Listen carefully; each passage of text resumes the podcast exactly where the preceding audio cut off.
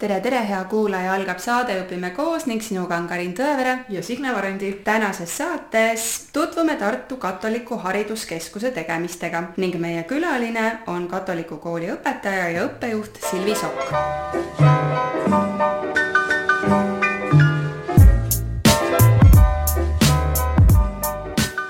Silvi. tere. kuidas sai Tartu Katoliku kool alguse ja tegelikult ma saan aru, et peaks küsima üldse Tartu Katoliku Hariduskeskus alguse? Ähm, no Tartu Katoliku kool sai alguse sellest, et äh, katoliku koguduses olid sellised aktiivsed äh, inimesed, lapsed, lapsevanemad, kes äh, moodustasid haridusseltsi üheksakümne esimesel aastal. ja siis selle haridusseltsi tegevuse tulemusena see katoliku kool tekkiski, et tegelikult need inimesed tegid iseenda lastele kooli. et nad ei tahtnud enam selles Tavakoolis vanas tavakoolis oma lapsi noh, panna sinna ja siis nad otsustasid, et nad proovivad ise kooli teha. ja aasta oli siis üheksakümmend üks. üheksakümmend üks oli siis, kui see haridusselts tekkis ja noh, esialgu selline väike lasteaiarühm ja siis see kasvas niimoodi järjest, et siis see lasteaiarühm läks koolirühmaks, kooli esimeseks klassiks ja siis tuli järgmine klass juurde niimoodi ühe klassi kaupas ja siis kasvas. esialgu oli kuueklassiline kool ja siis lõpuks äh, kasvas üheksaklassiliseks ja siis me otsustasime mingil hetkel, et me võtame kaks paralleeli ja noh, siis nüüdseks on kasvanud ta siis kahe paralleeliga üheksaklassiliseks kooliks no ühesõnaga, et selle kooli kasvades tekkis meil äh, juurde erinevaid, erinevaid äh, noh, selliseid suundasid või harusid, et me saime aru, et me peame tegema lastele huviharidust pakkuma, et see on väga oluline kasvatuse osa. siis see, et meie kool oleks äh, noh, et me tunneksime neid lapsi, kes meie kooli tulevad, on, on hea teha sinna lasteaed. ja kuna neid erinevaid suundi oli juba nii palju, siis, siis oli mõistlik teha sellest hariduskeskus ja no kõige viimasena lisandus siis spordikool ja spordikoda. et, et selline, selline katusorganisatsioon siis nii-öelda. nii et neli asja siis nagu kuulub Ee, hariduskeskusesse, lasteaed, kool, huvikeskus ja kultuurikoda ja spordikoda. kultuurikoda mm. -hmm. mhm. ja sina toimetad siis äh, põhiliselt Äh, koolis. mina toimetan koolis ja mina toimetan õpilastega, kes on, õpivad siis viiendast kuni üheksanda klassini, olen õppejuht. Ja õpetan ka eesti keelt noorematele õpilastele. ja kui suur see kool siis praegu on? praegu meil on üle neljasaja õpilase ohoo, ja õpetajaid? õpetajaid on kõik kokku, peaks olema kuskil viiekümne ringis, natuke alla viiekümne, ma arvan, on, on õpetajate arv, et noh, on, et osad on hästi väikse koormusega, aga ütleme kuskil viiskümmend. ja kõik, kõik need pea kakskümmend viis aastat olete te toimetanud siis Toomemäel? Või olete vahepeal kolinud ka? ei, me selles mõttes, et äh, jah, selles hoones, kus on praegu see põhikooli osa, see viies kuni üheksas klass, selles hoones me oleme olnud kogu aeg. aga siis ongi aastate jooksul sinna selle maja taha tuli juurdeehitus, siis tuli kultuurikoja juurdeehitus. siis me ostsime ära selle Oru tänava maja veel lisaks juurde, mis oli siis laste polikliinik kunagi. Nõukogude ajal olid seal muide need Tšehhi õed, kes on meie kooli omanikud praegu mm. -hmm. Need õed nõukogude ajal töötasid selles, selles Oru tänava äh, kliinikus seal. keegi ei teadnud, et nad on tegelikult nunnad mm. -hmm. et sihuke väga huvitav nüanss ka, et kuidas see maja tegelikult on kogu aeg olnud nagu kuidagi mingit otsapidi nii-öelda karma mõttes mm. -hmm nagu meiega seotud, et see oli kuidagi selline lõpuks mõelda loogiline jätk, et see, et, et nüüd tuleme meie seal oma õpilastega jälle tagasi. Ja kui suured siis klassikollektiivid on, et kakskümmend neli õpilast ikka nagu mm -hmm. tavakoolides? ja mm, -hmm. ja, ja. on see selline teadlik valik olnud, et kui muidu võiks arvata, et erakoolid pigem hoiavad sellist mm -hmm. väikest klassikollektiivi, et no kakskümmend neli tegelikult on selline optimaalne ja eks ta noh, selles mõttes ka, et me peame mõtlema, et ta majandaks ikkagi ära ka, et muidugi me teeksime, ma ei tea, viieteistkümne õpilasega klassid. aga noh, kuna me pak-, tahame pakkuda seda lisaõpet ja kõike, et ega. No siit ma küsingi kohe siis, et mille poolest te siis erinete tavakoolist mm? -hmm. no selles mõttes on isegi, praegu on isegi natuke keeruline seda öelda, et kunagi oli hästi selge see erinevus, et meil oli see süvaõppega inglise keel. no inglise keele, kuidas ma ütlen, metoodika mõttes me kindlasti erineme, see on meil kindlasti teistmoodi. väga huvitav metoodika on, aga aga noh, et selles mõttes mahu mõttes ma arvan, et ega teistes koolides on see keele süvaõpe ka noh, tulnud samamoodi programmidesse, et kuidas nüüd koolid kombineerivad või mitte, et aga, aga noh, see on üks meie väga oluline tunnus, et meil on see esimesest klassist peale viis tundi nädalas ja kohe algusest peale on ainult äh, äh, inglisekeelsed tunnid, üldse eesti keelt ei räägita, see on hästi mänguline, selline väga huvitav programm. Mm.. kas sellel programmil on mingi nimetus? tegelikult selle programmi tõi meile õde Meeri Veinaar, äh, kes äh, tuli meie juurde Vanalinna hariduskolleegiumi kaudu ja Vanalinna hariduskolleegium kasutab täpselt sama programmi, et nende kaudu me nagu võtsime siis endale ka kasutuse selle, väga hästi töötab ja noh, eks ta selline keelekümblusprogramm tegelikult on, et puhas keelekümblus, et õpilased õpivad keelt nii nagu äh, õpivad emakeelt kõnelevad õpilased muidu inglise keelt mm -hmm.. noh, umbes samade põhimõtetega mm.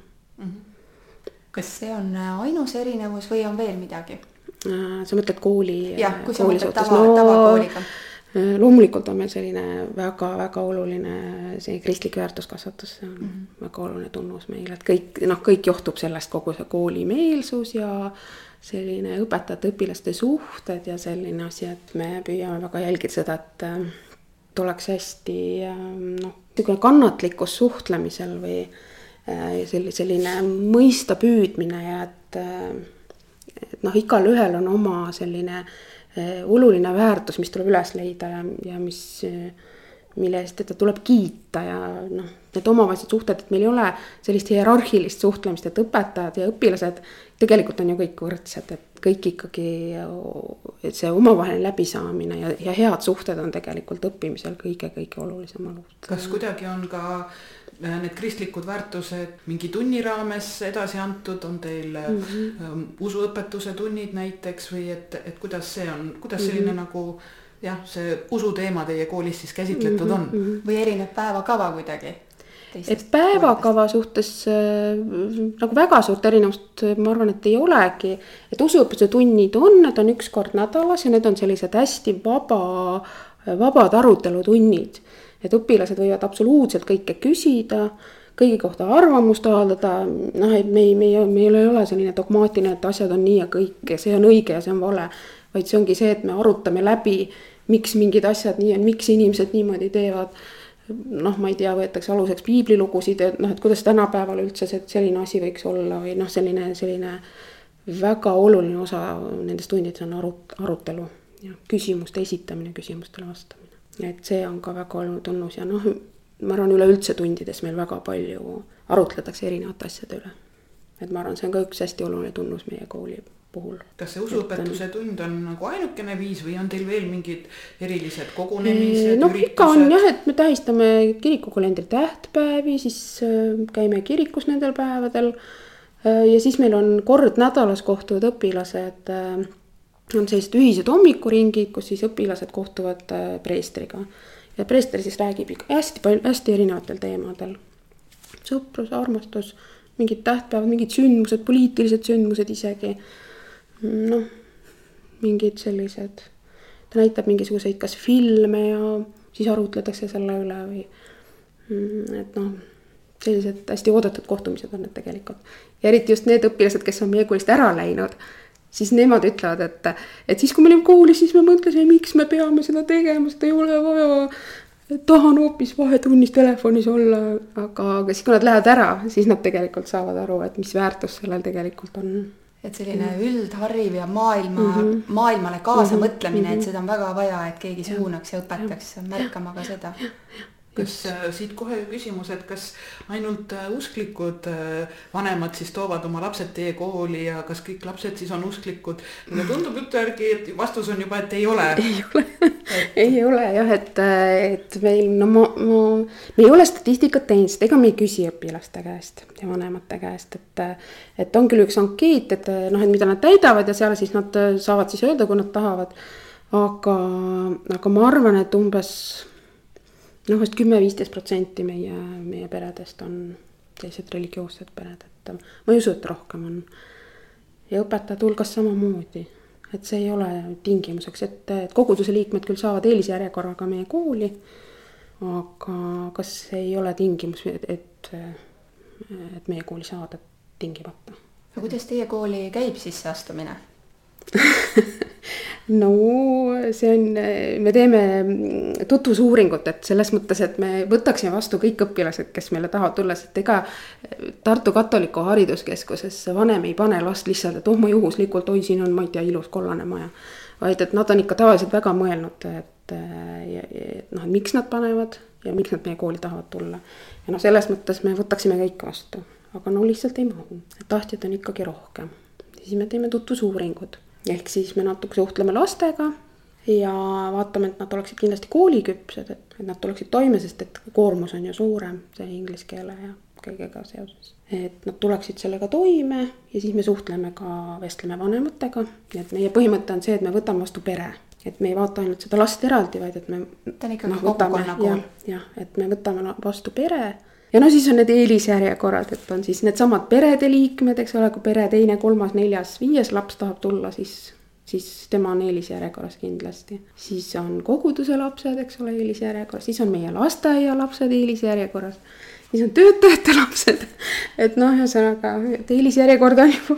et siis linna pealt. päris palju, et linna pealt jah, et see nende, nendele, kes tulevad nii-öelda väljastpoolt, et nendel see konkurss lõpuks on noh, päris, päris suur, aga aga no samas, no mis sa teed?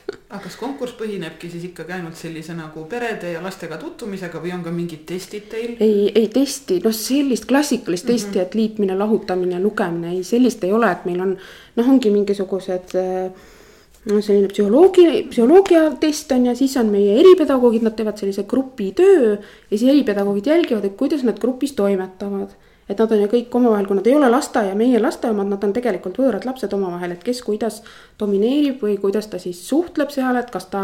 ja noh, mis need tööülesanded neil siis on, kas tal on koostööoskust natukene ja noh, eks nad ju kõike õpivad, ei saagi loota, et lasteaialaps nüüd oskab kõike ja on perfektne, see on ju selge mm. -hmm. et see on kõik õppimise koht, aga aga erakoolina peab vanem arvestama sellega ka, et äh, tuleb ju mingi kuutasu või aastatasu, et ja, kui suur see teie koolis on? Äh, hetkel on viiskümmend eurot kuus, aga no sinna lisanduvad õppekäigud, teatris käigud, noh, mingid väljasõidud, sellised asjad, et kuigi me kirjutame äh, hästi palju projekte, et äh, kõik need KIK-i projektid ja Erasmus plussid ja ma ei tea, mis kõik veel. et ja meil on väga tubli projektikirjutaja, et päris paljusid asju me saame tegelikult lastele pakkuda tasuta ka juurde.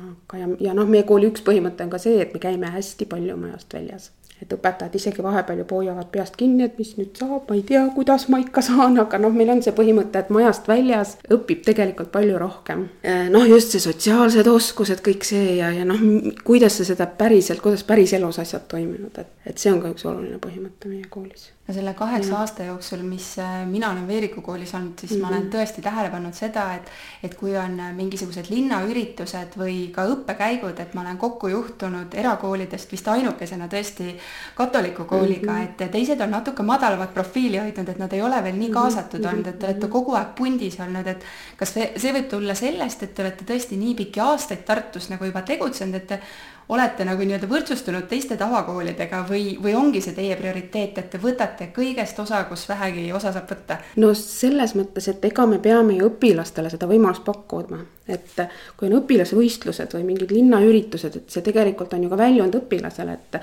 et eks see andekatega tegelemine on see kah, et ma saadan teda ju kuhugi, eks ole, võistlema või siis mingist asjast osa võtma, et ka seal selles mõttes väga valikut ei ole mm. -hmm. et me ei, me ei sunni mitte kedagi, et ükski õppejale, õpetajale kohustatud mingisugustest olümpiaadidest või üritustest osa võtma. aga meil on nii palju tarku lapsi et lihtsalt oleks patt neid mitte saata nendele üritustele ei, õpetajad ise on väga aktiivsed, et ma ei ütleks, et mina olen nii õppejuht, et ma peaksin kuidagi kedagi nüüd survestama või sundima või et. ajan näpuga järge või kirjutan linnukesi kuhugi või ma ei tea, maksan preemiat mm. kellelegi või teen ettepaneku, mina ei maksa midagi, aga. hästi-hästi kuidagi jah, aktiivsed ja motiveeritud no nüüd see kuutasu viiskümmend eurot, no see on muidugi väga individuaalne, aga minule tundub, et võrreldes teiste erakoolidega on see ikkagi väga madal mm. -hmm. et nojah, need õppekäigud sinna juurde mm, -hmm. no see on tavakoolis ju ka, me käime mm -hmm. õppekäikudel teatris, kus iganes, ikka vanem peab jälle jällegi maksma, et, et ei saa seal ka kõike tasuta et kas, kas sellist tormijooksu teie kooli poole on tunda ka, et, et see õppemaks ei ole see, mis nii-öelda nüüd vähendaks no, neid tahtjaid? ja no ma, mul, mul puudub selline võrdlus, et noh, et ma, ega ma ju ei tea täpselt, kui palju seal teistes erakoolides, et kuidas, kuidas neil see vastuvõtt on. no meil on alati, noh, ongi see, et me peame tegema need tutvusuuringud. me peame noh, mingi järjekorra seadma, sest meil on rohkem tahtjaid, kui me vastu võtta suudame. seda muret ei ole, et lapsi ei tule? ei no praegu, praegu jah, ei ole, aga, aga no mine tea. -hmm. et pigem peaks ja. vaatama sinna suunas, et ku, ku, kuidas nii-öelda veel laieneda ja kasvada, et kõik need tahtjad ja soovijad ära mahutada kooli? Äh, ja no ma ei tea, et me praegu püüame teha võimalikult head äh, põhikooli äh, nagu selles mahus, mis meil praegu on, et me püüame seda kvaliteeti mm. hoida ja tõsta ja kogu aeg areneda edasi ma arvan, et me nagu paralleelide mõttes, paralleelide arvu mõttes, ma arvan, et me ei laiene, esiteks meil pole lihtsalt ruumigi, kuhu mm. laieneda. ja niimoodi ja. jääbki kool selliseks Äh, noh, armsaks väikseks kooliks, kus kõik teavad kõiki ja mm, -hmm. ja, ja ongi selline jah, nagu. jah, no vot, meil ongi see, et me oleme kahes majas ja siis tundubki, et meil on selline armas väike kool, tegelikult linna kontekstis. Meil ei ole üldse väike kool, et meil on täiesti selline tavaline linnakool. jah, et tavaline põhikool, kahe paralleeliga on ju teisi koole ka, kes on Tartus, et me ei olegi enam nii väike. Aga noh, kuidagi jah, inimestel ja õpilastel ja kõigil on tekkinud selline tunne, kuna on kaks maja siis kõik tunnevad, teavad üksteist, et siis tundub see, et oi, meil on selline tore väike armas kool mm. -hmm. jah, aga noh, see on tegelikult on see hea turvaline tunne, kui, kui see on tekkinud. nii, aga kui nüüd õpilased on siin kenasti vastu võetud ja tekib mingi vaba õpetaja koht, et kuidas teie kooli õpetajaks saab tulla ja millised õpetajad üldse teil on? jah, no õpetajad on meil sama, samamoodi nagu teised, teistes koolideski et kõik need aineõpetajad ja eks ta peab ikkagi vastama kvalifikatsioonile ja eks me peame kõik tegema samamoodi nagu teised koolid, et me peame kuulutama välja konkurssi. ootame, et oleks magistrikraadiga, õpetaja kutse. aga kindlasti peab seal ikkagi midagi veel juures olema, no me vestleme ja vot see ongi see intuitsiooni äh, asi seal, et, et meil on selline komisjon moodustub siis, kes vestlevad nende kandidaatidega ja siis ongi selline natukene nagu kõhutunde baasilt ka ikkagi, et kas ta sobitub meie kooli või ei sobitu, et noh, need vestlusteemad, millest me siis räägime nende kandidaatidega, et need ütlevad tegelikult päris palju ära. et kas ta sobiks või ei sobi no,. ja me otsime ja ma ütleksin, et selle peale, et me otsime huvitavaid inimesi mm. -hmm. et kui on huvitav ja selline rõõmus ja tahab teada saada asju siis, siis ma arvan, juba täitsa sobib mm. -hmm et nii nagu te lastesse süstite seda otsivat ja uurivat vaimu, sa rääkisid nendest mhm. õppekäikudest, mis teil väga palju on. nii te otsite tegelikult ka õpetajaid, kes on samasuguse vaimuga. aga olete siis kasvanud äh, üheksa klassiga põhikooliks, et äh, kuidas kooli lõpetamine käib, on see nii nagu munitsipaalkoolides või on midagi natuke teistmoodi?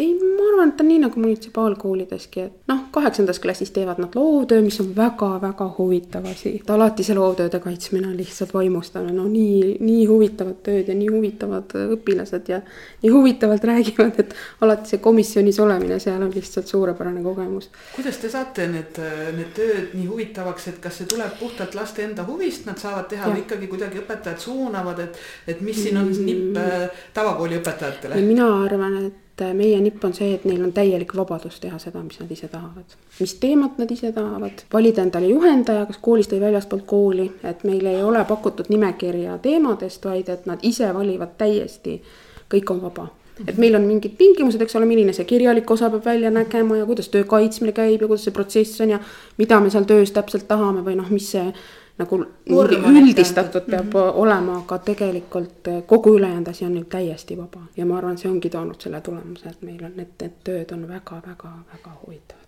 no tavakoolis üsna sage on see, et mm -hmm. õpetajad ju mingit lisatasu selle juhendamise eest ei saa Väga ja nad pigem loobuksid hea mm -hmm. meelega. mõni õpetaja jälle tunneb, et see on minu teema või minu ala ja siis ta võtab kohe neli-viis tööd juhendada mm, -hmm. mida on ka liiga palju. et mõni ei võta üldse, mõni võtab liiga ja. palju ja et ta on jälle nagu tasakaalust väljas. et kuidas Aga, teil sellega? no meil on niimoodi, et ütleme niimoodi, et eks ole, kahe paralleeli peal on laias laastus ütleme nelikümmend kuni viiskümmend õpilast on ju sõltuvalt mm -hmm. lennust. koolist õpetajad juhendavad võib-olla kümmekond aga võib-olla ka mitte seda. enamus juhendajad on väljastpoolt kooli, et õpilased ise valivad oma juhendajad, kui ta teeb näiteks noh, ma ei tea, midagi oma kunstikoolis, midagi oma mingit kunstiprojekti, siis ta valib endale selle juhendaja, kes on tema kunstikooli noh, õpetaja või juhendaja. näiteks üks tütarlaps õppis ratsutamisest ja siis no on selge, et ükski õpetaja ei saa seda juhendada ja ta natukene sellest ratsutamisest siis ka tegi sellise väikese uurimusliku töö ja noh, et oligi, et tal oli nii suur vabadus seda ise teha, et, et need, et see tema loovtöö oligi see, et ta tegeles selle hobusega ja õppis need tehnikad selgeks. ja see filmis seda, et see, see kõik kokku oli tema, oligi tema loovtöö mm. -hmm. Mm, mulle tundub kohe, et siit, kui mm -hmm. nüüd läheb see täiesti koolist välja, juhendamine mm -hmm. ka, mhm. et siis kas ikkagi klassijuhatajal on see ülevaade, et, et laps ikkagi tegeleb sellega ja ikkagi töö toimub või no peab... vot mina olen see, kes sellega tegeleb, et mina Aha. olen see koordinaator ja siis nad, mina siis teen neile esialgu selle noh, tutvustava loengu ja siis nad peavad mulle teema esitama ja siis ma ikka, mul on selline vastuvõtutund mm. -hmm. et mina, mina nagu noh, hoian silma peal sellel asjal ja klassijuhataja tegelikult ka mm -hmm. ja ei, ma ei saa selle eest vastutada, et noh, vot see ongi Aha. see õpilase enda vastutus et kui ma võtan väga palju enda, enda kanda, siis see vastutus lebab seal maas ja noh, et noh, see ongi minu võtta sealt siis, et, et kui ma, et see ongi tema vastutus seda graafikut pidada ju. et teada on ju see. ta teada on, et tema on peab selleks hetkeks valmis olema ja mida rohkem ma annan õpilasele vastutust, mida rohkem ma usaldan teda, mis siis, et esialgu võib tunduda, et see inimene võib-olla ei olegi valmis võtma seda vastutust elu on näidanud, on valmis mm -hmm. ja võtavad ja noh, kellel kuidas tuleb, võib-olla tõesti ei ole mingisugune maksimaalselt perfektne tulemus, aga ei peagi, see on kaheksas klass mm. -hmm. Nad teevad oma elu esimest äh, sellist tähtsat tööd, et äh, aga see on tema enda tehtud. ja see ongi see tulemus, eks ole, mis ta loomulikult vajab suunamist ja kõike, aga aga et see vabaduse andmine selle vastutuse võtmisel minu meelest see on väga oluline siit tasub kohe mhm, tavakoolidel mhm. noppida see mõte üles, et ma olen mhm, kuulnud, et päris paljudes linnakoolides on see, et kui õpilane valib väljastpoolt endale tööjuhendaja, et siis kindlasti peab kooli poolt ka juhendaja olema, et, et ikkagi keegi hoiab silma peal, aga tõepoolest see, et ma annan vabaduse sulle teema valida, aga sina vastuta siis selle eest, et see on õige. lõppkokkuvõttes on ju see tema huvi, et tal ja. oleks, et temal peab see tehtud mm -hmm. olema, et noh, kui ta hea küll kaheksandas klassis, no läks untsu no ei olnud veel valmis, ei olnud veel nii suure vastutusega valmis tegelema. noh, ta saab üheksandas selle uuesti ja kuigi see on keerulisem ja kõik, aga aga, aga noh, et see ongi tema huvi see valmis saada ju. just mm, -hmm. aga kuidas teil mm -hmm. see kogemus on, et kuna sa siin loovtööde peale mm -hmm. nüüd viisid teema, et õpilased, kas nad lähevad vahest nii, nii sügavale ja nii kaugele, et see töömaht on tegelikult oluliselt suurem, kui tegelikult kaheksanda klassi mm -hmm. õpilaselt nõutakse. et kuidas sulle tundub, et kas selliseid projekte peaks tegelikult koolis rohkem olema, et nad lähevad ju oma huvist lähtuvalt, nad teevad seda vabatahtlikult mm -hmm. nii suureks, et kuidas sa näed seda? Ma olen väga selle poolt, et sellised projektid koolis oleksid, et meil näiteks eelmisel aastal oli eh, kaheksas klass, eks ole, õpib äh, ajalugu, seal on Prantsuse revolutsioon kõik see teema, et nemad äh, õppisid ajalugu hoopis selle kaudu, et nad äh, lavastasid hüljatud. Nad ise tegid skripti ja kõik ja siis lavastasid selline muusikal. et ta ei olnud see päris see muusikal, mis seal Vanemuises oli, aga et noh, et nad ise seal kõik osad täitsid ise, kõik kirjutasid ise, kõik lavastasid ise, kõik riietuses, kõik oli ajalootunnis tegelikult ja kõige selle kaudu nad õppisid siis seda, mismoodi need inimesed elasid, kuidas nad, ma ei tea, riides käisid, mis nende ülesanded oli, kuidas riigi valitsemine oli. et, et noh selle, selle nagu suure projektiga, mis siis päädis selle, selle kahe etendusega. tegelikult õppisid äh, ajaloos siis seda vastavat perioodi suurepärane minu meelest mm. -hmm. ja mis no, andis teistele õpilastele ka nii palju, ma kujutan ette, kes ja, siis vaatasid ja, seda kõike. ja, see oli väga suur, suur sündmus, kõik teatrikodus oli etendus et hästi-hästi tore oli, et, et aga noh, see nõuab õpetajalt päris suurt julgust ja samamoodi, et noh, et mina õppejuhina pean andma ka õpetajale selle vabaduse, ma ei saa, et noh, ma ei, ma ei saa minna ja öelda, et kuule, ma ei saa siin õpikust üldse midagi, töövihik on täitsa täitmata, noh, noh, ma ei lähe iialgi sellist asja ütlema mm. -hmm. no samamoodi sellel õpetajal on vabadus teha seda, mida tema õigeks peab ja noh, see ongi see õpetaja valiku puhul ka, et püüan võtta tööle inimese, kellel, kes, kes nagu julgeb võtta seda vastutust ja kes, kellel ma saan, julgen anda selle, selle vabaduse selliseid asju korraldada. no me oleme koolidega siin kogu aeg käimas ja rääkimas uuendustest, praegu -hmm. on hästi palju räägitakse sellest lõimingust ja üldõpetusest, et -hmm. kas need on teie koolis tavapärased või alles uued asjad?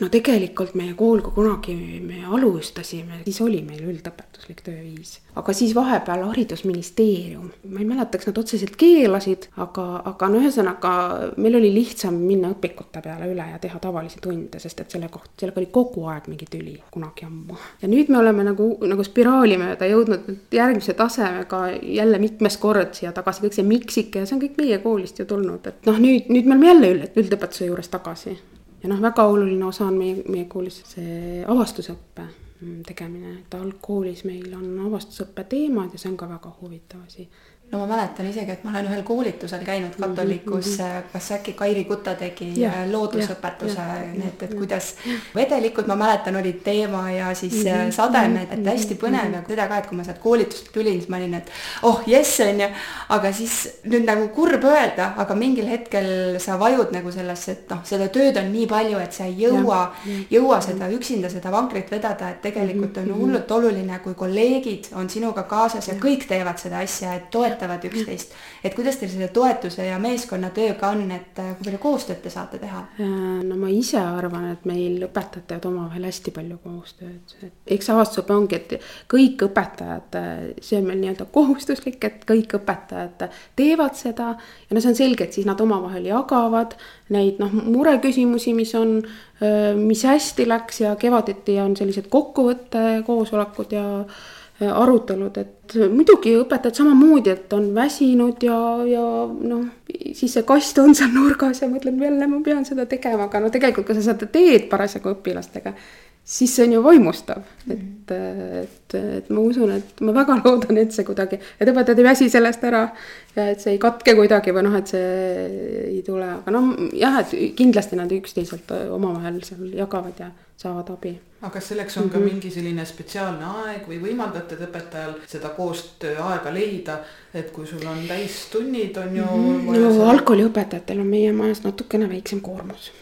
See on juba suur asi, on ju, et. Äh, no esiteks sellepärast meil on kaks erinevat maja, et noh, see lisatundide otsimine tähendab kahe maja vahet äh, käimist ja pluss see, et algkooliõpetaja, ta on ikkagi klassijuhataja ju. ta peab nende väikestega siis seal kes tahab garderoobi minna, kellel on kustukumm kadunud, kes ei mäleta enam, kuidas, ma ei tea, kekad saali sai või no ma ei tea, mis seal noh, sellised, et see algkooliõpetaja no,. on nagu ikka teise ema eest on olemas kogu aeg, ei torma ära. selles mõttes on ka hästi oluline, et õpetaja oleks ikkagi kogu aeg. aga kui suur see koormus siis on, kui ta on, sa ütlesid, et natuke väiksem koormus mm. -hmm. täiskoormus on kakskümmend kaks ja algkooliõpetajatel on minu teada kakskümmend mm. -hmm et siis natukene saab ja. sellist hingetõmbepausi, aga otseselt ja. nagu sellist planeeritud, et nädalane, et saame kokku klassiõpetajad, mõtleme läbi nädala teemad, kuu teemad, et päris nii ei tead sa, see on neil juba tehtud, et Aha. neil, meil on selline juba päris pikka aega mitu,, mitu-mitu aastat on nad teinud. tööplaanid on vist kõige õigem nende kohta öelda, selliseid üldõpetuslikke tööplaane, mis on siis aluseks sellele, kuidas nad õpetavad, igal õpetajal on muidugi oma nüansid, et kuidas ta teeb täpselt ja noh, see ei ole niimoodi, et nüüd minuti pealt paika pandud, aga aga noh, et selline süsteem on neil juba välja töötatud ja see nüüd täieneb kogu aeg, noh nagu ikka on need sellised asjad, et ega ta ei ole selline jääv. kas klassiõpetaja teie koolis äh, on kuni kolmanda klassi lõpuni või kauem? neljanda, neljanda klassi lõpp ja siis ongi, et nad on neli aastat seal ühes majas, Aru tänaval ja siis nad viiendasse klassi tulevad siis suurte, suurte majja ja siis nad on suured ja siis nad tulevad meie juurde mm. -hmm aga kuidas see hindamine on, et on teil selline õppimist toetav mhm. hindamine, annate te numbrilisi hindeid, tähti panete mm? -hmm. no hindamine on meil niimoodi, et esimesed kolmanda klassi hinded ei ole, on ainult kirjeldused. neljandast klassist alates siis hakkame hindeid panema ja nüüd on meil plaan minna ka üle need nagu teised Tartu koolide osad on, et oskusainet. oskusainetele hinded ei pane, pane ka üheksanda klassi lõpuni, aga no nüüd tuli ministeeriumist kiri, et kuulge, kuulge. Tartu koolid, kas te ikka teate, et seaduse nipp on mingi värk seal mm? -hmm. et noh, umbes, et kuna põhikooli lõputunnistusel peab olema hinne oskusainetes siis peab üheksanda klassi lõpuks ikkagi olema hinne, kas mitte isegi iga aasta lõpuks ei ole kohustuslik seda hinnet panna, sest et seadus ei ole lihtsalt järgi jõudnud sellele uuenduslikule mõttele. nüüd on põnev näha siis, mis juhtub, et, et kas muudetakse seadust -hmm. sest tegelikult, kui me räägime uuendusest, isegi need tavakoolid, kes üle läksid sellele mitteeristavale hindamisele mm, -hmm. et algselt mm -hmm. oli nagu kisa palju, et see kell, et ta mm -hmm. ei ole väga hea mõte, aga tegelikult õpetajad, kes selle protsessi läbisid ja tulid kaasa, siis nad ütlevad, et see isegi on, õigustab ennast, et mm toetab mm neid, kes tõesti vajavad abi ja, ja keegi, kes on väga tubli, ei jää sellest tunnustusest ilma. Ja, ja, ja õpilased tegelikult võtavad palju suurema vastutuse, nagu teie siin ütlesite, loovtööga. Ja, ja et see on kõigile tegelikult palju selline positiivne mhm. kõigi jaoks. Mhm. ei, mulle väga see mõte meeldib kuigi mina olen eesti keelt, kus, kus nagu peab hindeid panema. noh, selles mõttes ei pea, aga kui meil ei ole, noh, mina üksinda õpetajana iseseisvalt ei saa ühes klassis jätta hindeid panemata, et meil mhm. peab olema ikkagi seal, eks ole, kõik need protsessid, õppekavad, kõik tehtud. aga ma väga hea meelega teeks nii, et ma ei paneks üldse hindeid, ma ei näe sellel ma ei oska öelda. võib-olla on mõnda, mõnda last natukene keerulisem motiveerida, aga ma arvan, see hinne ei ole ka mitte ainuke motivatsioonivahend. et ma, ma pigem ei paneks hindeid. jutu alguses sa ütlesid, et teie koolis on natuke suurem õppekoormus mm. -hmm. et kas see on ainult alguses nii või on see kuni põhikooli ehm, lõpuni? no ta ikkagi on põhikooli lõpuni, seepärast see inglise keele maht on meil suurem kui, kui teistes koolides. ta on küll meil äh, ringitunnina aga tegelikult see on ikkagi nelikümmend viis minutit õppimist, et. selle ringitunni valivad siis, see on nagu kõikidele kohustuslik. no ta, ta noh, selles mõttes ta on jah kohustuslik, et need vanemad, kes meie kooli lapse panevad, see ongi nende huvi, et, et see kindlasti see tund oleks, et ta isegi, meil ei teki küsimustki, et, et oi, mina seda tundi nüüd küll ei taha, ta tulebki sellepärast meie kooli, et seda tundi saada. kas see läheb siis kuni üheksanda klassini välja, et viis äh, tundi ei nädalas? ei ole üheksanda, meil on niimoodi, et viiendast klassist algab neli tundi nädalas. et noh, mida suuremaks nad saavad, seda rohkem seda keelekeskkonda tekib, seda noh, siis enam ei ole nii palju vaja, siis tuleb juba B-võõrkeel ka juurde. Neljandast klassist alates meil on praegu B-võõrkeel ka, aga siis see maht ka ju tegelikult tõuseb, et, et ja muid tunde tuleb ka juurde, et ega me ei saa ka päris lapsel päeva lõhki ajada, et see peab ikkagi ka inimlikuks jääma, ega siis siit läheb see piir ka muidugi. mõned vanemad tahaksid, ma ei tea, seitsekümmend tundi nädalas võib-olla, aga. no ikka parimat aga... lapsele milliseid keeli te pakute? No inglise keel on A-võõrkeel ja B-võõrkeel on vene keel ja saksa keel. ja neid äh, saab siis laps valida või tähendab lapsevanem näiteks? neljandas klassis jah, ta saab valida, et kumb, kumba keelt ta siis äh, see pere soovib. ma ei oskagi öelda, et vene keel tundub, et ta on populaarsem, et noh, ilmselt vanemad mõtlevad, et ma oskan ka vene keelt ja siis ma saan teda aidata ja noh, et vene keelt võib-olla Eestis läheb rohkem vaja kui saksa keelt, kui, kui nii mõelda. ja noh, need põhjused on hästi erinevad aga, aga üldiselt ikkagi mõlema keelerühmad iga aasta avanevad ja on huvilisi mõlemale keelele. kuivõrd te saate abi ja toetust pakkuda neile lastele, kes võib-olla ei tule selle suure koormusega mm -hmm. toime mm? -hmm. see on ka üks meie kooli eripära, et sellised eh, erilised lapsed meie koolis õpivad, et me hästi mõtleme sellele, et neid, neid lapsi aidata, kellel on koolis raske, et äh, igas lennus on mõni selline õpilane meil, kes sellist eriabi vajab. ja eks meil siis on, meil on eripedagoogid majas, ma arvan, et meil on võib-olla Tartu linna nagu protsentuaalselt õpetajatest, ma arvan, et meil on kõige rohkem eripedagooge või no tugispetsialiste. on olemas sotsiaalpedagoog, sotsiaalpedagooge on isegi kaks tükki ja siis on koolipsühholoog on ja siis on eripedagoogid, kes annavad siis äh, erinevaid õpiabitunde, logopeediat ja siis on meil selline asi nagu väikesed klassid ehk siis õpilased, kes selles suures klassis ei tule toime, noh, erinevatel põhjustel. Nendel on võimalik siis õppida väikeses klassis ja noh, me püüame võimalikult rohkelt neid kaasata, et nad õpiksid, osad tunnid on nad suures klassis ja siis osad on, on eraldi. mõned õpilased on sellised, kes ei saa üldse suure klassiga koos olla mõned õpilased sellised, kes peavad mõnest tunnist ära käima. mõned õpilased on sellised, kes vajavad tugiisikut näiteks tundidesse, et muidu on tunnis täitsa hästi, tulevad toime, aga vahest on natuke abi juurde vaja. et me noh, vaatame täiesti individuaalselt, et kes siis millist abi vajab ja püüame pakkuda nii palju kui võimalik, et noh, meil ka muidugi tuleb lagi ette, see on selge. aga jah, et meil on päris selline tugev tugistruktuur aga kui palju te saate näiteks seda väikeklassi võimaldada lastele, et kas ainult nendele, kellel ongi spetsialistide poolt äh, diagnoos pandud ja. või ka siis kuidagi koolisiseselt näete, et äh, noh, seda no ütleme aidata. niimoodi, et need õpiabitunnid, eks ole, on need, mis on õpetaja, aineõpetaja soovitusel, siis see mhm. tugispetsialist, eripedagoog siis Äh, teeb äh, testi või noh, vaatab siis tunnis, teda jälgib natukene. et see õpiabi on selline, mis on tegelikult see esimese astme abi mm, -hmm. et mis, äh, milleks ei ole vaja spetsiaalseid pabereid kuskilt Rajaleidjast. aga kõik, mis sealt edasi tuleb, see väikese klassi õpe, need on kõik need õpilased, kes on uuringutel käinud mm. ja kelle, kellel siis noh, antaksegi nõu meile, et missugust õpet neile korraldada, et missugune õpe oleks sellile, sellisele õpilasele sobiv et kui on näha, et tal on raske klassis, siis me kohe, meil on HEV koordinaator koolis väga tubli, aktiivne. Kohe püüame vanematega suhelda ja kohe kooli poolt abi anda ja kohe ka Rajaleidesse pöörduda.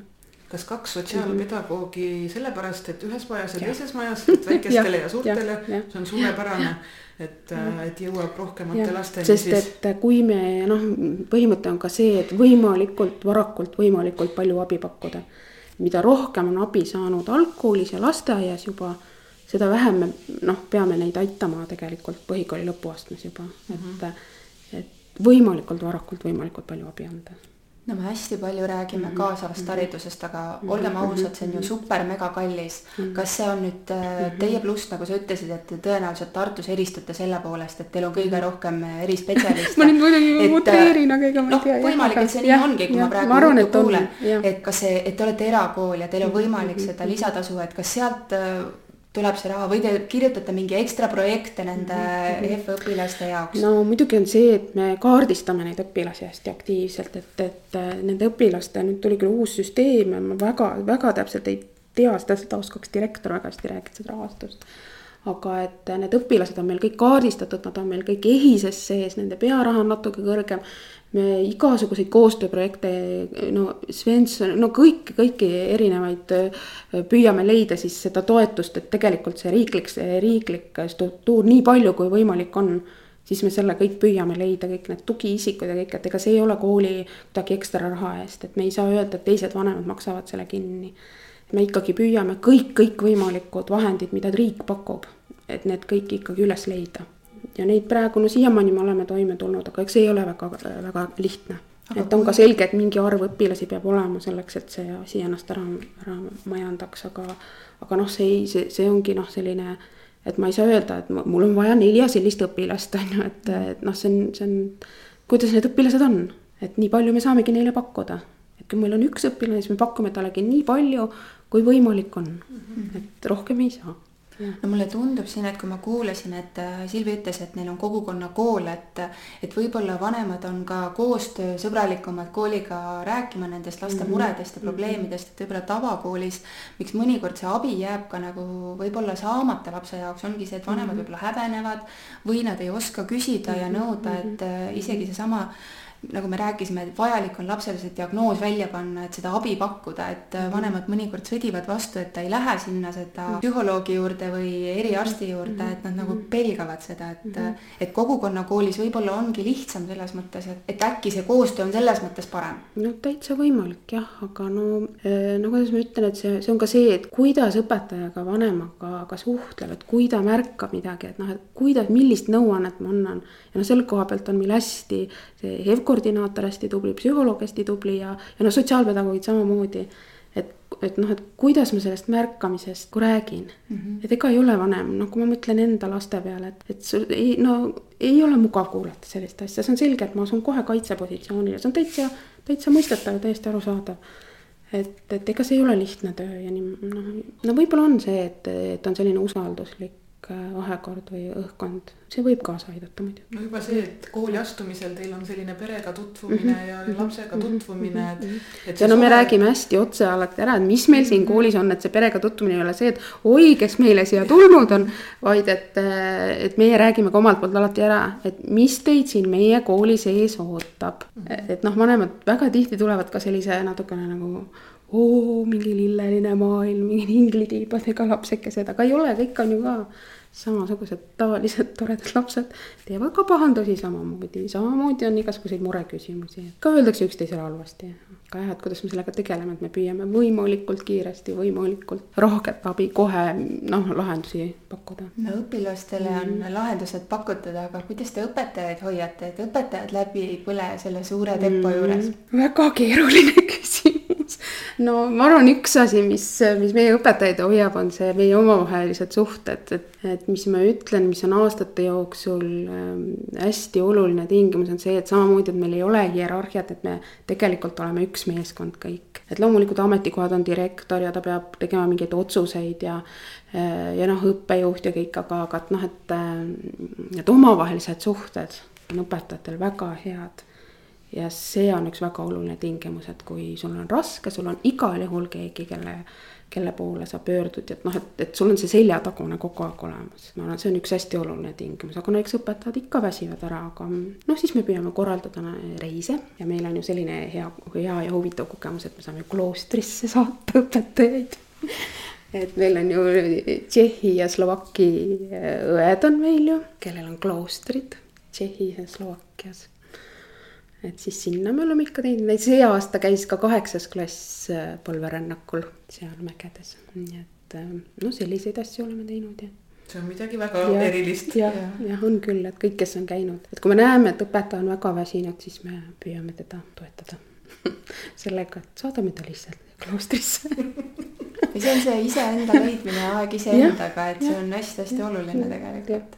jah, et see on niisugune, see on väga huvitav kogemus aga noh, ikka sellised ühisüritused ja nagu ikka, ma arvan, teistes koolides samamoodi, et tegelikult see, et sul oleksid head, rõõmsad õpetajad, noh, see on kah üks väga oluline kooli juhtkonna töö. ja toetav juhtkond mm, -hmm. nagu sa ütlesid, et sa mhm. usaldad, mhm. on ju ja, õpetajal, et ta ise valib, kuidas ta selle materjali mhm. lastele selgeks teeb. ei ole õpiku töövihikuga minekut, vaid äh,. kuna ma ise väga oma tundides pooldan sellist vaba õppimisvormi, siis noh, igal juhul ma hästi äh, olen rõõmus selle üle, kui õpetajad oma tundides erilisi, erilisi võtteid kasutavad, et. aga kuidas õppematerjalidega on, on teil õpikud, töövihikud üldse? on ikka, muidugi, et see on, see on niimoodi, et eks iga õpetaja ise vaatab ka, et ma ei saa ka öelda sellele õpetajale, noh näiteks matemaatikaõpetajad, kuule nüüd viska oma õpik ja töövihik nurka ja nüüd hakkad, ma ei tea, uut asja ajama et igaüks ikkagi ise peab vaatama, mis see tema, tema tee on või mis temale kõige paremini sobib õpilastega töötamiseks, et ka muidugi me kasutame ikkagi õpikuid ja töövihikuid ka ja no näiteks geograafiaõpetaja ütleb, et meil on nii head töövihikud, et mis te räägite, mina igal juhul kasutan töövihikut et see õpetaja, kes töövihikut ikkagi hindab ja vajab, ega ma ei saa öelda, et töövihik on mingi, ma ei tea, saatanast. Et, et õpetaja ise tellib aga kuidas digivahenditega lood on, et mm, -hmm. et sa mainisid siin jah, et lapsed ütlesid, et oo, oleks tahtnud hoopis mobiiltelefonis olla mm, -hmm. kas teil mhm. vahetundides on näiteks keelatud lastel? algkoolis meil on, algkoolimajas on keelatud, et siis need ei ole ja no kuna on õuevahetunnid, siis neil ausalt öeldes väga ei olegi aega sellega tegeleda. ja lapsed, kes on tulnud põhikoolid, ütlevadki, et, et seal oli keelatud ja kuidagi me mõtlesime, et et see on nii tavaline, et noh, et ma ei tulnud selle pealegi, et ma peaksin kuidagi kurvastama sellise asja peale, et see lihtsalt oli nii ja kõik Mm -hmm. et, et seal, seal nad ei kasuta vahetundides, aga, aga põhikoolis nad juba kasutavad. vahetundides me ei keela neid, õpetajad kasutavad ka tunnis hästi palju seda VOSK-süsteemi, et võta oma seade kaasa. et igalühel oma telefon ja siis ta seda tundides, ma ei tea, guugeldamiseks, nendeks Kahootideks, Quizisteks, kõikideks nendeks kasutab tegelikult oma telefoni. et meil on olemas komplekt iPad'e ja kaks arvutiklassi. aga noh, kui mul on tunnis see situatsioon, et mul on vaja viis minutit, nii vaatame siit telefonist mingid asjad järgi, siis mul on see kõige mugavam süsteem et seepärast me ei ole neid ka ära keelanud vahetunnis seda, kui ma midagi keelan, ma pean seda kohe kontrollima hakkama, kohe karistama hakkama, ma ei tea, mis asju, et meil on küll mõte luua selline tsoon, mis on telefonivaba tsoon, sest mõned, mõned tahavad sellist asja, aga, aga vaatame kuhu see, kuhu see meid viib. aga see on juba suur pluss, et on eraldi mhm. majad ja eraldi mhm. reeglid, et väikestel, et tõepoolest on olemas. sest suurtega on nii, et need, kui nüüd viies klass tuleb, siis nemad on hästi, et oo, nüüd lubatakse ja nüüd on noh, telefoni taevamanna mm. -hmm. aga nad suht ütleme jah, viiendas klassis nad on kõige rohkem seal telefonis ja edasi juba kuidagi rahunenud maha. kuidas nende õuevahetundidega on mm, -hmm. et mhm. praegu mulle tundub, et tavakoolid nagu üritavad leida lahendust, kuidas seda õuetundi sisse viia. Et leida kõigepealt ajalist ressurssi -hmm. et pikemalt mm -hmm. õue minna, siis seda, et, et oleks kõik seal ikkagi turvatud ja kaitstud ja ja mhm, hoitud, et mulle tundub, et nagu erakoolides need õuevahetunnid on nii tavaline asi ja, ja nemad nagu üldse pead ei vaeva sellega, et mis nippe sul näiteks oleks anda? no meil on jälle see, et meil on jälle eraldi majad, eks ole, et meil on kaks kahekümneminutilist vahetundi. et üks on söögivahetund ja teine on õuevahetund. kuna, kuna see meie hooviala on nii selgelt piiritletud, ta ei lähe sealt lihtsalt välja.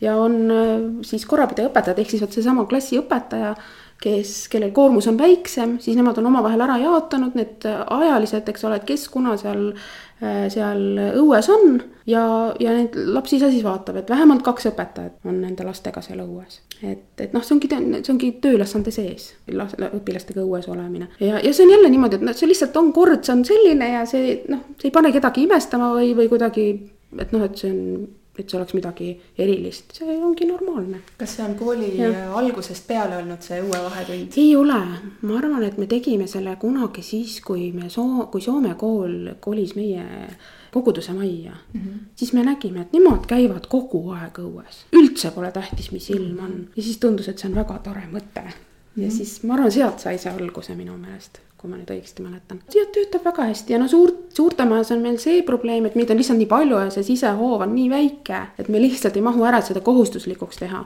aga meil on vabatahtlik õuevahetund ja tegelikult, kui on ilus ilm, siis ollakse õues hästi palju. tõesti, vihmaga nad ei lähe sinna õue, aga nad suhteliselt meelsasti käivad õues seal sisehoovis, et niipea kui saab, niipea kohe lähevad. aga tegevus äh, on mm -hmm. vaba, ei ole organiseeritud? no meil on seal niimoodi, et noh, kaks palli tohib olla ja tegelikult ega meil ei olegi rohkem seal väga midagi organiseeritud. aga need pallimängud on nii sujuvalt kuidagi sobivad sinna, sest see ruumi on vähe.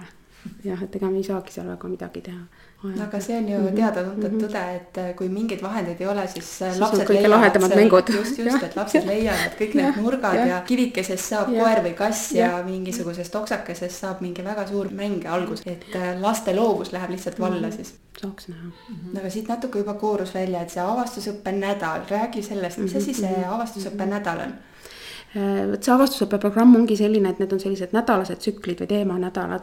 ja, ja siis äh, visatakse kõik asjad nurka ja tegeletakse siis selle avastusõppe teemaga äh,. mida siis äh, lapsed seal siis, no põhimõtteliselt on see selline loodusteaduslik äh, nagu uurimusõpe et, et mida ma näen, no ühesõnaga, et ma pean äh, püstitama hüpoteesi, siis otsima sellele oma hüpoteesile tõendusi ja siis lõpuks jõudma siis sellele järeldusele, et kuidas need asjad siis ikkagi on. see on muidugi väga lihtsustatult, aga mm, -hmm. aga, aga noh, põhimõtteliselt kas kõik teised mm -hmm. õppeained poogivad ennast sinna avastusõppe nädalale ja, külge? ja, ja, ja et see on kõik, jah, selles mõttes on ta üldõpetuslik, et kõik ained on, on selle, selle avastusõppe teemaga seotud, jah kas see on ainult algklassidele mõeldud või kogu kooli no ta praegu need materjalid on olemas esimesest neljanda klassini, ega rohkem ei olegi, et on küll järjest püütud küll teha ühte, teist ja kolmandat ja, ja neid põhimõtteid saab kasutada tegelikult äh, loodusainetes ka edaspidi, aga ütleme, selline selge õppematerjal on, et materjalide kastid. Need on olemas meil praegu esimesest neljanda klassini. Neid te... minu teada praegu rohkem ei olegi kas te pakute midagi ka teisele-kolmandale kooliastmele, midagi sarnast või sellist projektõpet? no ütleme niimoodi, et meie õpetajad eh, lähtuvad nendest eh, erinevatest põhimõtetest eh, oma, oma aine õpetamisel, aga selliseid teemanädalaid enam niisugusel kujul ei, ei minu teada ei ole mm. -hmm. aga, aga see ei välista seda, et õpetaja ei kasuta neid võtteid, mis selles on, et tegelikult loodusainete õpetajad kõik on päris hästi kursis sellega aga lihtsalt neid materjale pole vanemale astmel ja vanemal astmel on, kuna, kuna pole üldõpetuslikku töövormi, nendel on ju aineõpet. et siis, siis seda ka keerulisem korraldada, tal on kaks keemiatundi nädalas noh, kuidas sa teed seda keemia aastasõpet seal selle kahe tunniga, et ta on ikkagi mõeldud niimoodi, et ta on ikkagi nädal aega või päev siis vähemalt või, või kuidagi niimoodi. et me küll oleme nuputanud ja püüdnud mõelda, et kuidas seda edasi ka viia, aga praegu mm -hmm. pole veel. olete veel otsingul? aga sa oled teise-kolmanda kooliastme õppejuht, et mm, -hmm. et see teine-kolmas kooliaasta on ju kõige keerulisem iga üldse kooli mõttes. et, et kuidas saada neid lapsi sellest koolist sellist rõõmu tundma, et nad nagu saaksid ka osa, et mis muutused ees võib-olla ootavad? No mina ei tea, miks neid, miks seda iga keeruliseks peetakse, no minu meelest nad on nii toredad, et minu meelest palju. Äh, no ütleme, võib-olla viies klass seal veel on selline noh, natuke keerulisem, aga, aga nad on lihtsalt nii säravad ja toredad, et ma ei nagu noh, ma ei oska kuidagi nagu sellist spetsiaalset eristumist välja tuua, et. et oi, me teeme nüüd seda ja seda, et neid teismelisi kuidagi haarata, et no ei tea, nad no, on lihtsalt nii säravad. kui ja... sa ütled, et see ei ole keeruline iga, mis teil on seal koolis siis, mis te annate neile lastele no, süüa juua? head õpetajad lihtsalt, et, et no nad on vabad. mulle tundub, et see selline äh, vaba olek ja ma olen see, kes ma olen ma tohin olla see, kes ma olen. no muidugi on raamid ja, ja reeglid ja no see on selge. aga, aga, aga noh, et see, see selline vabaduse tunne, ma arvan, et see noh, on, on asi, mis neid mõjutab. Annate te võimaluse mm -hmm. neile kaasa rääkida kooli asjades, õpetamises et õpetajad on siis ka vastuvõtlikud, et kui lapsed. ma arvan küll jah, ma arvan küll. Neile ei sobi see viis. aga no päris nii ikkagi ei saa, et kes on ikkagi klassis pealik, õpetaja on klassis pealik, et päris muidugi. seda ei saa ka öelda aga, aga eks ma arvan, et õpetajad küsivad eh, kindlasti tagasisidet oma, oma õpetamise kohta ja, ja noh, meil on praegu väga tegus eh, õpilasesindus on praegu hästi tegus. ja siis meil on hästi tore kooli ajaleht, mida õpilased täiesti ise veavad. selle nimi oli Prohvet vist -hmm. ja, ja see on no niivõrd vahva, kuidas nad seda teevad, et, et, et sellised omaalgatuslikud asjad ja neil, neil on kuidagi võimalik, et kui nad vähegi aktiivsed on või vähegi midagi tahavad teha, siis nad saavad seda teha. Kas neid suunab, juhib äh, huvijuht või ei, meil ei olegi huvijuhti üldse koolis, et, äh, et näiteks selle õpilasesindusega tegeleb meil sotsiaalpedagoog. väga aktiivne, tubli, tore sotsiaalpedagoog on, kes siis selle õpilasesinduse noh, natuke suunamist vahest nad vajavad või kutsub seal kokku või arutavad mingeid asju seal. mis siis, mis siis järgmisena tegevused on või. Mm, ja no ajalehega samamoodi, tegelikult sisuliselt nad teevad seda ise aga siit nopin ma välja ja. selle, et äh, sotsiaalpedagoog, mida praegu hästi räägitakse, on see, et mhm. püüame ennetada, et siis mhm. tegelikult teil, kui mhm. huvijuhti ei ole, siis see sotsiaalpedagoog ongi kogu aeg noortega koos. ta on kogu aeg nendega asjadega kursis, et, äh, et ta juba eos suudab need pahandused nii-öelda nupu peale vajutada no, ja uuele ikkagi, tegevusele suunata no, tegelikult. et oskus on anda ja. nendele noortele ka seda nii-öelda nende algatustega ja. kaasa minna, neid toetada, et see on võib-olla see, et miks mõned pahandused jäävad ka ära võib-olla. ja just see ka, et noored näevad arvavadki, et no keegi teine võib-olla ei tee, on ju, et me peame ise ära tegema, et teeme ise selle mhm. ajalehe või selle ürituse või mhm. selle peo või, või mingi näidendi või mis iganes, et et nad ja. nagu võtavadki jah, selle, selle nii-öelda rolli enda kanda, et ei ole kedagi, kes nende eest asjad ära teeks mm. -hmm. ja siis nad võib-olla ei virise ka nii palju, et miks nii hästi välja ei tulnud teinekord. jah, sest ise tehtud aga kes korraldab siis esimese septembri aktuse näiteks? no see esimese septembri aktuse peame ikka me ise korraldama ikka juhtkond korraldab, et noh, meil on äh, selline struktuur, noh, ülesehitus, et meil on ainekojad ja ainekojad siis oma valdkonna, noh, õpetajad kuuluvad ainekodadesse, et siis ainekoda oma valdkonna üritused korraldab siis ise ja klassijuhataja korraldab, et äh, ja noh, mina olen see, kes siis koordineerib ka kogu seda asja õppejuhina. ilmselt noh, huvijuht koolis loomulikult hästi vajalik inimene ja kõik ja ma arvan, et kui meil ei oleks ülesanded niimoodi ära jaotatud, siis oleks meil ka koolis huvijuht, aga meil on lihtsalt see struktuur natuke teistmoodi nii et teie koolis saab õpetaja mm -hmm. tegelikult väga mitmel alal ennast ja, äh, ja, teostada. ja, ja, ja mm, -hmm. et tal on igasuguseid erinevusi või erinevaid võimalusi. ja noh, võib-olla see ka, et kui meile tuleb noor õpetaja või uus inimene, kes meie, kes meie koolitööle tuleb. et siis tavaliselt on tal äh, abiks mentor, et keegi inimene, kes siis, kelle poole ta saab pöörduda. ta teab, et see on see inimene, kes teda alati aitab, me hästi püüame läbi mõelda, et kes on see inimene, kes seda uut, uut kolleegi aitab. ehk siis toetada neid alustavaid õpetajaid. ja, ja noh, üleüldse, et kui sa tuled uude, uude kooli, noh, uued kolleegid, uus struktuur. et väga hea on, kui sa tead, et mm. algusest peale mul on keegi, kelle poole ma pöördun. no loomulikult see sisseelamist ja sissekasvamist mm -hmm. soodustab ja soodustab mm -hmm. seda koostööd ka Mm. Aga Silvi, kakskümmend viis aastat saab teil tegutsetud ja tähistate suurt juubelit, et mm -hmm. kuhu mhm. edasi, et millised muutused ootavad võib-olla mm -hmm. hariduskeskuste eest no väga keeruline küsimus jälle, et ma, no kuidas ma ütlen, et me äh, siiamaani, meil oli väga suur saavutus eelmisel õppeaastal, et me kogu aeg noh, saime tähtajatu tegut-, tegevusloa mis oli meie suur-suur eesmärk. mis on erakoolidele väga suur asi. ja, ja et, et see oli meie selline suur, suur eesmärk, et nüüd me siis püüame oma juubeli, juubeliga ühele poole saada, eks me siis vaatame, kuhu me edasi liigume, et äh, vahepeal oli meil mõte ka gümnaasiumit äh, teha, et, et võib-olla me liigume sinnapoole edasi, aga noh, see on ka kõik selline, et ma ei saa väga nagu kuidagi anda mingeid selgeid lubadusi, et miks mitte võtta seda eesmärgiks. eks me püüame ikka kogu aeg äh, kvaliteeti tõsta, et, et mahu mõttes me ilmselt suuremaks ei kasva